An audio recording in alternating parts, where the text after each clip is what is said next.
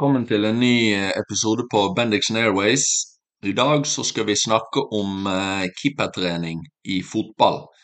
Og gjester er Daniel Garcia og Dennis Berg Smalsundmo, som eh, er keepertrenere i Ullern fotball. Vi diskuterer fag, og vi diskuterer hvordan keepertrening drives rundt om i verden og hvordan eh, tilnærmingen vår kanskje er litt annerledes enn de fleste andre. Jeg tror det blir spennende å høre på. Keepertrening, Dennis. Um, I Ullern så har vi forsøkt å gjøre keepertreningen uh, så lik lagstreningen, hvis det går an å si, som mulig. Hva gjør vi? Uh, I Ullern så lager vi situasjoner som er mer lik kampen. Så på en enklere måte kan man si at vi tar i større grad utgangspunkt i kampen.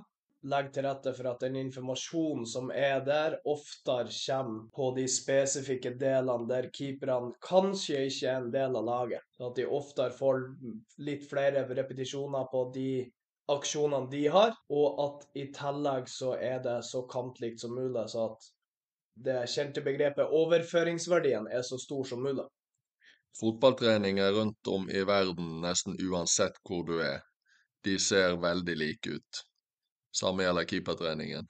Hvordan ser en, ja, kall det tradisjonell keepertrening ut rundt om i breddeklubber, i profesjonelle klubber i Europa, i Asia, i Sør-Amerika osv.? Ut ifra det jeg har fått med meg og sett sjøl og prøvd å få informasjon rundt om på, på, media, så det som går igjen og er litt mønster, er at det er en del informasjon som er borte når de holder på.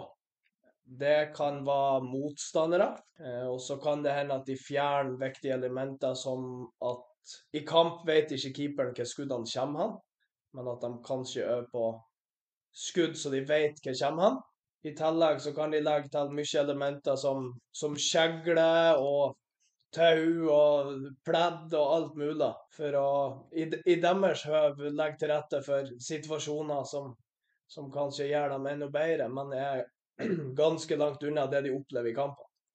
Så oppsummert så er vi et stykke unna spesifisitetsprinsippet, ja. Og det virker som uh, mange tror at overføringsverdien er stor, antar jeg, ut fra hvor mye tid som brukes på dette. Det som går an å bruke som begrep, mangler litt der, det er jo et fotballmiljø. Eh, og hvis du begynner å fjerne elementer som du finner i kampen, så begynner du òg å gå bort ifra det miljøet som keeperne er i, kamp. Og det her er noe som går igjen i mange, mange andre klubber, ut ifra det vi har observert og sett sjøl. Og det kan, det behøver ikke, men det kan være en årsak til at gjennomsnittsalderen for keepere i klubber overalt er høyere når de får sitt gjennombrudd og når de liksom blir fast på A-laget, kontra utespillere som oftere er i et fotballmiljø på trening, og derfor er nærmere spesifisitetsprinsippet. Bare så det er sagt, så sitter ikke vi på noen høy hest her i Ullern, for det at vi har jo gjort fryktelig mye av det samme i mange år. Eh, Garcia, du er jo en av de som Eller du, du er vel en av de første som, eh, som var keeperansvarlige her. Hvordan så våre keepertreninger ut for ti år siden, ish? Kanskje ikke så lenge. Nei, jeg kom inn hit, kom til Ullern i 2015, eh, tror jeg. Da først og fremst som eh, keepertrener og keeperansvarlig på A- og juniorlaget. Det var de første oppgavene mine i klubben. Det året, 2015, var vel A-laget senior herrer i andredivisjon og hadde en kall det rutinert keeper eh, ved navn Lars, mener han het. Han var til tilårskommen og hadde spilt fotball en del år. Og hadde gjennom disse årene kanskje tilegna seg kunnskap og erfaring basert på hva han hadde drevet med gjennom sitt lange liv. Nå er ikke dette en måte å henge ut ham på. Men uh, han, som veldig mange andre, var inne på det samme sporet som Dennis beskrev, med at det er en måte å gjøre ting på. Og slik skal og må og burde det være. Og det fikk jo jeg erfare at det var en forventning at uh, ting skulle legges opp og gjennomføres på en viss måte, basert på forventninger. Hvis utgangspunktet er kamp, og vi øver på kamp, så er det ingenting som er likere kampen enn kampen. Og dermed også den beste måten å øve på. Eh, så er gjerne oppfatningen det stikk motsatte. At for å få øvd, så må du ha nok eh, repetisjoner. Og gjerne på det man oppfatter som de oppgavene keeperen har. Klart Hvis man ser på en kamp, så er jo keeperen veldig lite involvert, og spesielt rundt det man oppfatter som primær- eller hovedoppgaven til keeperen, som er skuddstopping. Eh, gjennomsnittlig skuddstopping er, begrenser seg vel til en liten håndfull aksjoner per kamp. Mens det man i all hovedsak fra start til slutt gjør mest av, er jo nøyaktig det vi gjør nå, nemlig å kommunisere. Det er en haug med situasjoner og aksjoner og eh, muligheter eller anledninger der keeperen må og burde kommunisere til laget sitt. Både for å hjelpe laget i å oppnå det som er lagets intensjon, men også i andre enden, som kanskje er underkommunisert, underprioritert, misforstått, et eller annet. At hvis man kan på et eller annet vis hjelpe laget til å unngå situasjoner der motstanderen kan skåre, eller komme til en stor mulighet for å skåre mål, så er det vel så eller like, eller kanskje mer, verdifullt enn om keeperen på egen hånd eh, hindrer baklengs, gjerne ved en skuddstoppingsaksjon. Og Det har jo vært etter hvert vår dreining i, eh, i Ullern, og båten vår og tilnærmingen vår til hvordan vi jobber, da med fokus på hvilke egenskaper vi prioriterer og anser som viktigst for keeperspilleren, som vi liker å kalle det. Keeperspilleren, da, for å legge litt mer trykk og fokus på at det er en fotballspiller på lik linje med resten av laget sitt, som har eh, sine oppgaver, men som skal bidra til at laget når sine mål og sine eh, intensjoner på lik linje med alle andre ute på banen. Det var en veldig uh, grei oppsummering, ja. Så Dennis, hvordan ser en keepertrening ut i dag? Uh, altså Det er selvfølgelig fortsatt litt ulikt fra, fra, fra kull til kull, lag til lag, jenter, gutter osv., men, men sånn overordnet, hvordan ser en keepertrening ut i dag? Nå vet jeg ikke om vi kan kalle det konkret keepertrening på det jeg går først inn på men det jeg kommer inn på litt etterpå, kan man jo kanskje kalle det. Og når det er lagstreninger, så i starten av de, så forbereder du deg jo til de aksjonene du skal gjøre litt seinere. La oss si at du skal spille ni mot ni i aldersbestemt. Og det å gå rett inn i kampen da, i en viss alder, kan jo være veldig høy belastning på og kan være litt brått om. Og når du forbereder deg til de aksjonene du skal gjøre, som kanskje er litt mer intensiv og, og, eksplosiv, så er det litt forskjell på det keeperne skal gjøre når de skal inn i de situasjonene, kontra utespillerne, som bruker hendene kun, kun, til innkast, hvis de ikke er veldig, veldig uheldige. Mens keeperne bruker de litt oftere og på en litt annen måte enn utespillerne. Og På bakgrunn av det så legger vi til rette i lagsøkter for at de skal få den forberedelsen som er mer likt de aksjonene de gjør i starten av treningen. Men det Garcia nevner med keeperspilleren som en del av laget, gjør at vi legger til rette for at de er mest mulig i lag med det laget de skal prestere med, konkurrere med og oppnå de intensjonene og de målene de har. Så på en vanlig lagstrening så kan det være alt mellom 10 minutter i starten til kanskje opp mot 30 minutter, litt avhengig av kontekst. Men litt utafor sesong, når det kanskje er litt mer fri, og at du har en del yngre keepere som er veldig interessert i å bli bedre, eller at du har noen som ønsker litt ekstra. Der det treffer med belastninger, så kan vi legge til rette for, for økter som er litt lengre enn de 10-30 minuttene vi nevner. Og at vi da har litt flere typer situasjoner som vi går igjennom på ei keepertrening med kanskje seks keepere og igjen avhengig av kontekst. Det kan være alt fra 60 til 90 minutter, litt sånn som er vanlig fotballtrening, eller det som er mest brukt. Og da legger vi til rette der òg for situasjoner som er det keeperen oftere kommer i enn kanskje utespillere. Det kan være skuddstopping, det kan være feltarbeid, og det kan være én-mot-én-situasjoner. der du òg stopper skudd. Så litt skudd nærmere, litt skudd lenger unna. Feltarbeid. Og distribusjon, som er en fellesbetegnelse for det du gjør når du har ballen og skal gi den ifra deg til noen andre. Så det kan være kast, det kan være helvolley, det kan være halvvolley, det kan være pasninger langs bakken. Så at vi ofte legger til rette for kanskje de situasjonene keeperen mindre kommer i i treningshverdagen. Type kast, type helvolley, type halvvolley. Og i de treningene, så, som jeg nevnte tidligere, så legger vi til rette for at det skal være situasjoner med størst grad av spesifisitet. At det er nærmest mulig kampen. Motstand, med andre ord. Motstand er noe der og retning. Det vil si, eh, i en kamp etter du har stoppa et skudd, så er du ikke ferdig etter du har stoppa det skuddet. Så når du har stoppa det skuddet, så vil du, komme deg en, øh, vil du komme deg en annen plass. Først kanskje du beskytter mål, og så vil du få den ballen du har i det målet som er på andre sida. Og derfor er det først én aksjon, og så gjør du kanskje en annen i de treningene òg. Hva kan være utfordringen dersom du har treninger der du bare hindrer mål, og så er du ferdig? Hva kan det føre til? Det kan jo føre til et mønster blant de keeperspillerne der når du vinner ballen, kanskje holde den når du stopper et skudd, så har du ikke laga deg det mønsteret som kanskje er det beste, om å kanskje se lenger, kjøre til muligheten for å sette i gang spillet fort, sånn at du kan utnytte lett å si, ubalanse til motstanderlaget, eller at du kan bidra til at laget ditt skårer et mål, som er det absolutt beste. Mens at du heller, hvis du er ferdig når du stopper skudd, så kan du stoppe nesten helt opp og, og bare vente til noen andre sier hva du skal gjøre. Og at det derfor ikke blir den best mulige aksjonen som vi helst vil se i kamp. Jeg ser jo for meg at eh, Eller dere har jo begge erfaring med både yngre og eldre keepere.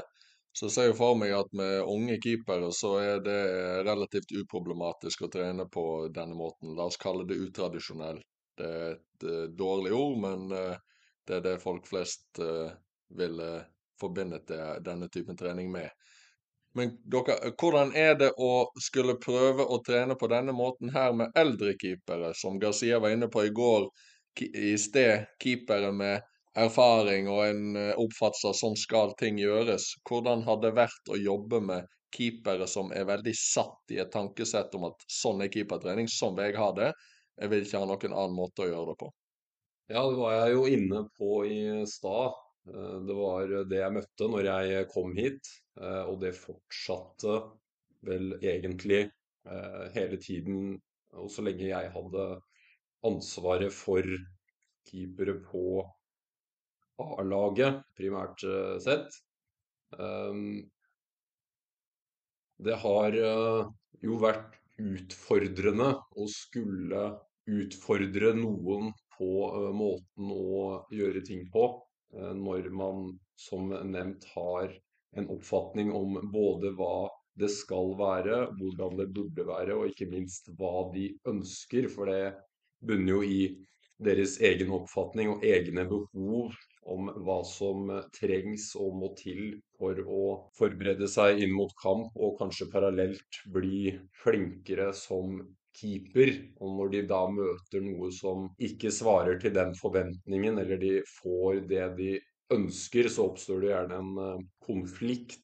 Og det er ikke nødvendigvis sånn at det lar seg løse eller endre på verken kort eller noe annet enn veldig lang sikt. Og når man da er i en gjerne konkurransesituasjon eller i sesong, så ender i fall, endte det i hvert fall for min del opp med å måtte, eller i stor grad imøtekomme de ønskene og behovene hos den til enhver tid både førstekeeper, men også keepergruppe som jeg hadde ansvaret for på A-laget senior herrer.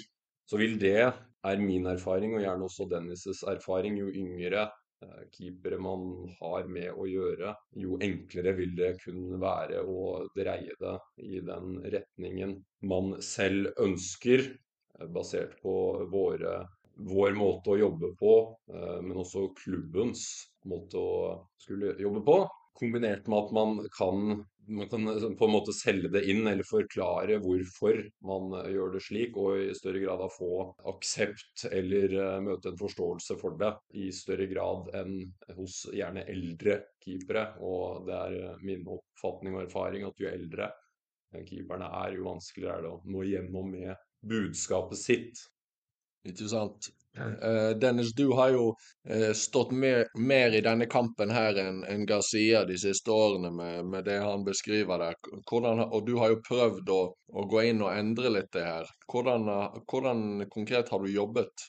Ja, først kan jeg jo bare si at jeg, jeg opplevde de samme utfordringene som, som Garcia. Jo eldre de er, jo, jo mer satt er mønsteret de har gjort. Og, og alt nytt er jo ukomfortabelt hvis det ikke er noe helt utrolig fantastisk. Så konkret hvordan det ble jobba med, så vil jeg dra litt paralleller til, til, på en måte utdanning. Der de referansene og den forståelsen jeg har, er et verktøy som jeg prøver å overføre til de keeperne, sånn at de òg forstår hvorfor vi gjør som vi gjør. Så du kan nesten si at det blir som ei trenerutdanning for de keeperne som opplever det her som litt ekstra ukomfortabelt og, og, helt nytt, men at en forsøker å gi dem den forståelsen, og derfor er ikke det nye like ukomfortabelt når de forstår at det her er bedre for meg, og jeg vil jo det beste for meg, vil de fleste tenke. Og da har det vært litt utafor treningskonteksten og kampkonteksten, der en har vært i litt, litt forskjellige møter en har, har, stilt spørsmål for å overføre denne forståelsen, og, og lagt fram referansene så, så, vanskelig å bortforklare som mulig. Der de kan havne i en situasjon der det er litt vanskelig å komme på gode argumenter for at det her ikke er bedre. Og i løpet av de årene som jeg har opplevd de her utfordringene, så blir en jo flinkere til å, å overføre denne forståelsen til keeperne. Og det er et veldig, veldig godt verktøy for å kan endre den her, den her, det her mønsteret av keepertrening som er mange, mange plass. Det er jo en eh, Det sies jo ofte i forskning at eh, for å få gjennom et paradigmeskifte, så kreves det ofte en begravelse eller to. Ikke bokstavelig talt, men uh, ofte, må en, ofte må noe dø ut før en får til en endring på generell basis. Så det kan kanskje høres litt ut som det samme i denne konteksten her. Um, til slutt, hvis vi skal um, prøve å snakke litt om hvordan vi har tilegnet oss denne kunnskapen. Altså det, er jo, det er jo ofte kunnskap som driver en fremover og gjør at en endrer noe. Ny informasjon, kall det hva du vil. Så det har jo vært ubehagelig for oss òg, mange her i hvert fall, å, å endre ganske radikalt måten å jobbe på. Så det krever jo at du er relativt bevisst sjøl, og at du leter etter ny kunnskap, og at du er villig til å endre på det du har gjort veldig lenge, som er veldig komfortabelt og et satt måte å, gjøre ting på. Hvordan, eh, hvordan, har vi gått frem, og hvordan går dere personlig frem for å bli ja, rett og slett flinkere og være oppdatert på det, det nyeste og kanskje kall det beste? Vi har jo prøvd å tilegne oss eh, kunnskap, og prøver jo konstant å tilegne oss kunnskap i eh, den hensikt å bli flinkere fotballtrenere. Både som, eh, som enkeltindivider, som trenere, men også da i forlengelsen som klubb. For å hele tiden ta steg og, og nå mål vi gjerne setter oss underveis. For min egen del jeg har jo trukket fram eh, disse keeperne jeg eh, både møtte og har møtt og har hatt med å gjøre. Eh, når det er sagt, så hadde jeg jo selv også, når jeg kom inn hit, en oppfatning av hva spesielt keeperrollen er, som var ganske lik det jeg selv møtte. Og Hvis jeg ser tilbake på det og min oppfatning den gangen kontra der nå, så er det, har det vært en ganske stor endring. Noe av det som har vært en slags åpenbaring underveis, er jo dette med hva utgangspunktet egentlig er. Og det er jo selve fotballkampen.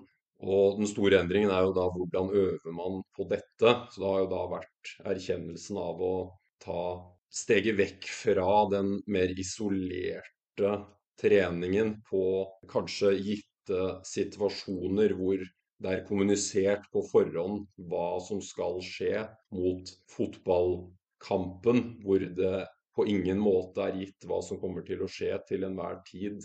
Og det har jo vært utgangspunktet og dreiningen når vi har lagt opp hvordan vi øver. Den måten å tenke på med da utgangspunkt i fotballkampen om at uh, ingenting er gitt, men det hele tiden er kommunikasjon og inntrykk og et, et samspill med egne medspillere, men også et motspill fra nødvendigvis motstander, hvor man eh, hele tiden må eh, håndtere det som skjer der og da, som man ikke på forhånd vet. Og det er den dreiningen vi har hatt, med den mer objektive inngangen om at man, man, man, man, har det utgangspunktet i fotballkampen, og det er hele måte, konteksten og utgangspunktet.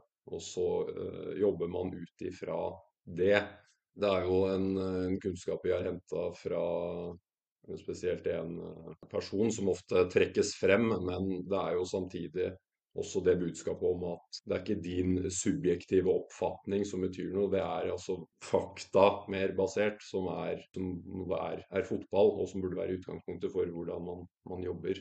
En objektiv tilnærming.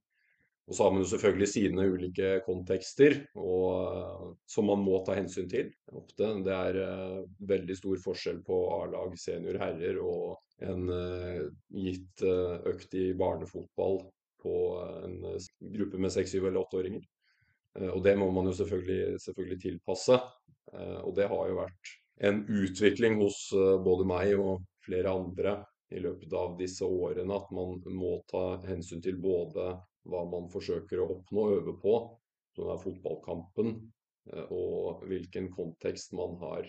Og eh, settingen og utgangspunktet, og ut ifra de to forsøke å eh, lage best mulige fotballtreninger på best mulig vis. Sett i ettertid, så når jeg tenker over det her, så, så er det rett altså det er jo veldig logisk det burde jo være veldig logisk for de fleste at en tar utgangspunkt i det en faktisk skal gjøre når en skal spille fotballkamp. Så, så hvis en klarer å tenke mer logisk rasjonelt på den måten, så vil jo en mest sannsynlig oftere komme frem til den beste måten å øve på. Men eh, til slutt, Dennis, du skal jo eh, på keepertrenerkurs i regi av eh, Norges Fotballforbund. Og det er jo stor sannsynlighet for, uten at en vet, at der er det mer tradisjonelle tanker rundt denne, denne rollen, og hvordan bli, bli, bedre i den. Hvordan kommer du til å angripe det? Da har jeg litt lyst til å, å, å, spørre litt tilbake til, til, litt det Garcia snakker om. Både en forlengelse og en liten forsterkelse av det han prater om. Og Vi er jo en klubb med, med trenere som har veldig lyst til å legge best mulig til rette for de spillerne vi har ansvar for. Og derfor eh, veldig flink, hvis du kan si det, til å oppsøke ny informasjon og ny kunnskap. For min del, som har vært en del av Norges idrettshøgskole og deres dynam økologisk eh, teori, og, og, en del av trenerkurs litt mer internasjonalt, der det foregår litt mer på engelsk, og nå skal inn på det her Uefa B goalkeeper course, eh, så det kalles. Så sitter en jo med litt litt referanser fra før. Kunnskap og, og tanker og, som både er objektivt, basert på, på logisk tenking, men òg forskning på, på mennesker. Litt, litt, om økologisk dynamisk teori, der en tar litt mer utgangspunkt i mennesket og overfører det litt til kampen. Og i tillegg til de kursene som er nevnt, så er det litt mer, mer, eh, mer, på engelsk, der en tar litt mer utgangspunkt i, i, det filosofiske, der en prøver å finne det mest logiske ut ifra kampen. Med menneskene så går jeg jo inn i det her UFAB keeperkurset med både litt kritisk blikk, selvfølgelig, en bør være litt kritisk til alt, men, eh, men unngå å sette opp en brannmur for, for, ny informasjon og, og nye tanker som kan gjøre at den blir enda, enda bedre. Så det er vel utgangspunktet mitt for, for det kurset der. Det høres ut som en fornuftig tilnærming. Men da takker jeg herrene for en uh, fin og interessant prat. Så snakkes vi.